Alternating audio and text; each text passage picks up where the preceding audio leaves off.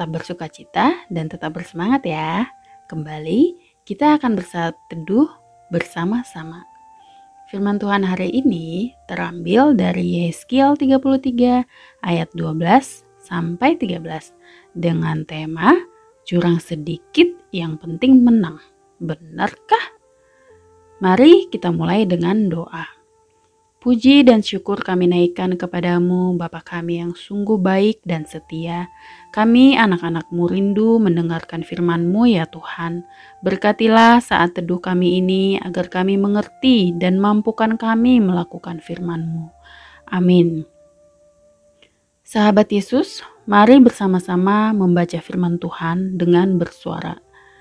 Yehezkiel 33 ayat 12 sampai 13. Dan engkau anak manusia, katakanlah kepada teman-temanmu sebangsa, kebenaran orang benar tidak menyelamatkan dia pada waktu ia jatuh dalam pelanggaran, dan kejahatan orang jahat tidak menyebabkan dia tersandung pada waktu ia bertobat dari kejahatannya.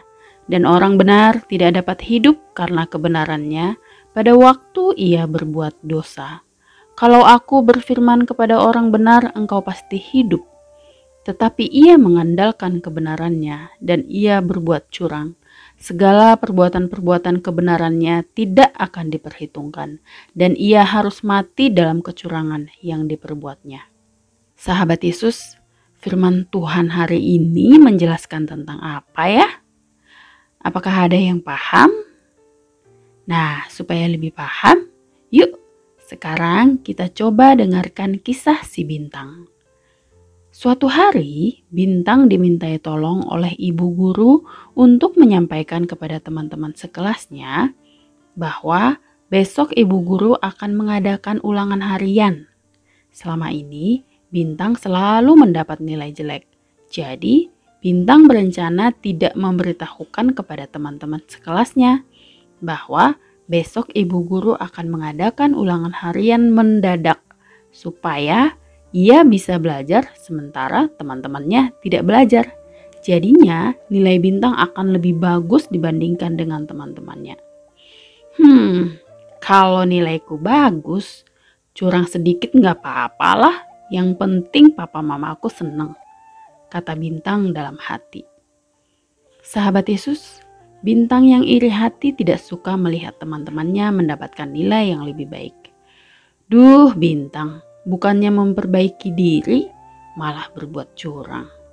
Sahabat Yesus, dalam Alkitab ada juga kisah tentang orang yang iri hati, yaitu Raja Saul. Raja Saul iri kepada Daud. Karena Daud berhasil mengalahkan Goliat dan banyak musuh Israel, sehingga bangsa Israel memuji-muji Daud dan membuat Raja Saul semakin iri kepada Daud.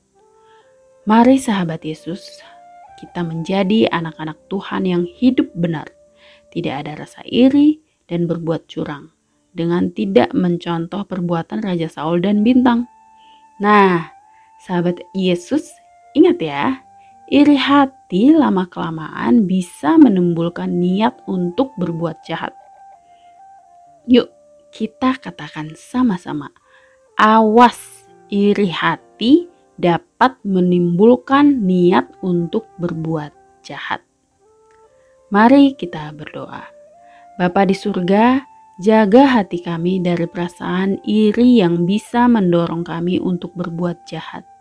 Ajar kami untuk berhikmat dan bersyukur dengan apa yang kami miliki, sehingga kami tidak iri terhadap orang lain. Terima kasih Tuhan, dalam nama Tuhan Yesus. Amin. Sampai jumpa pada saat teduh berikutnya. God bless you.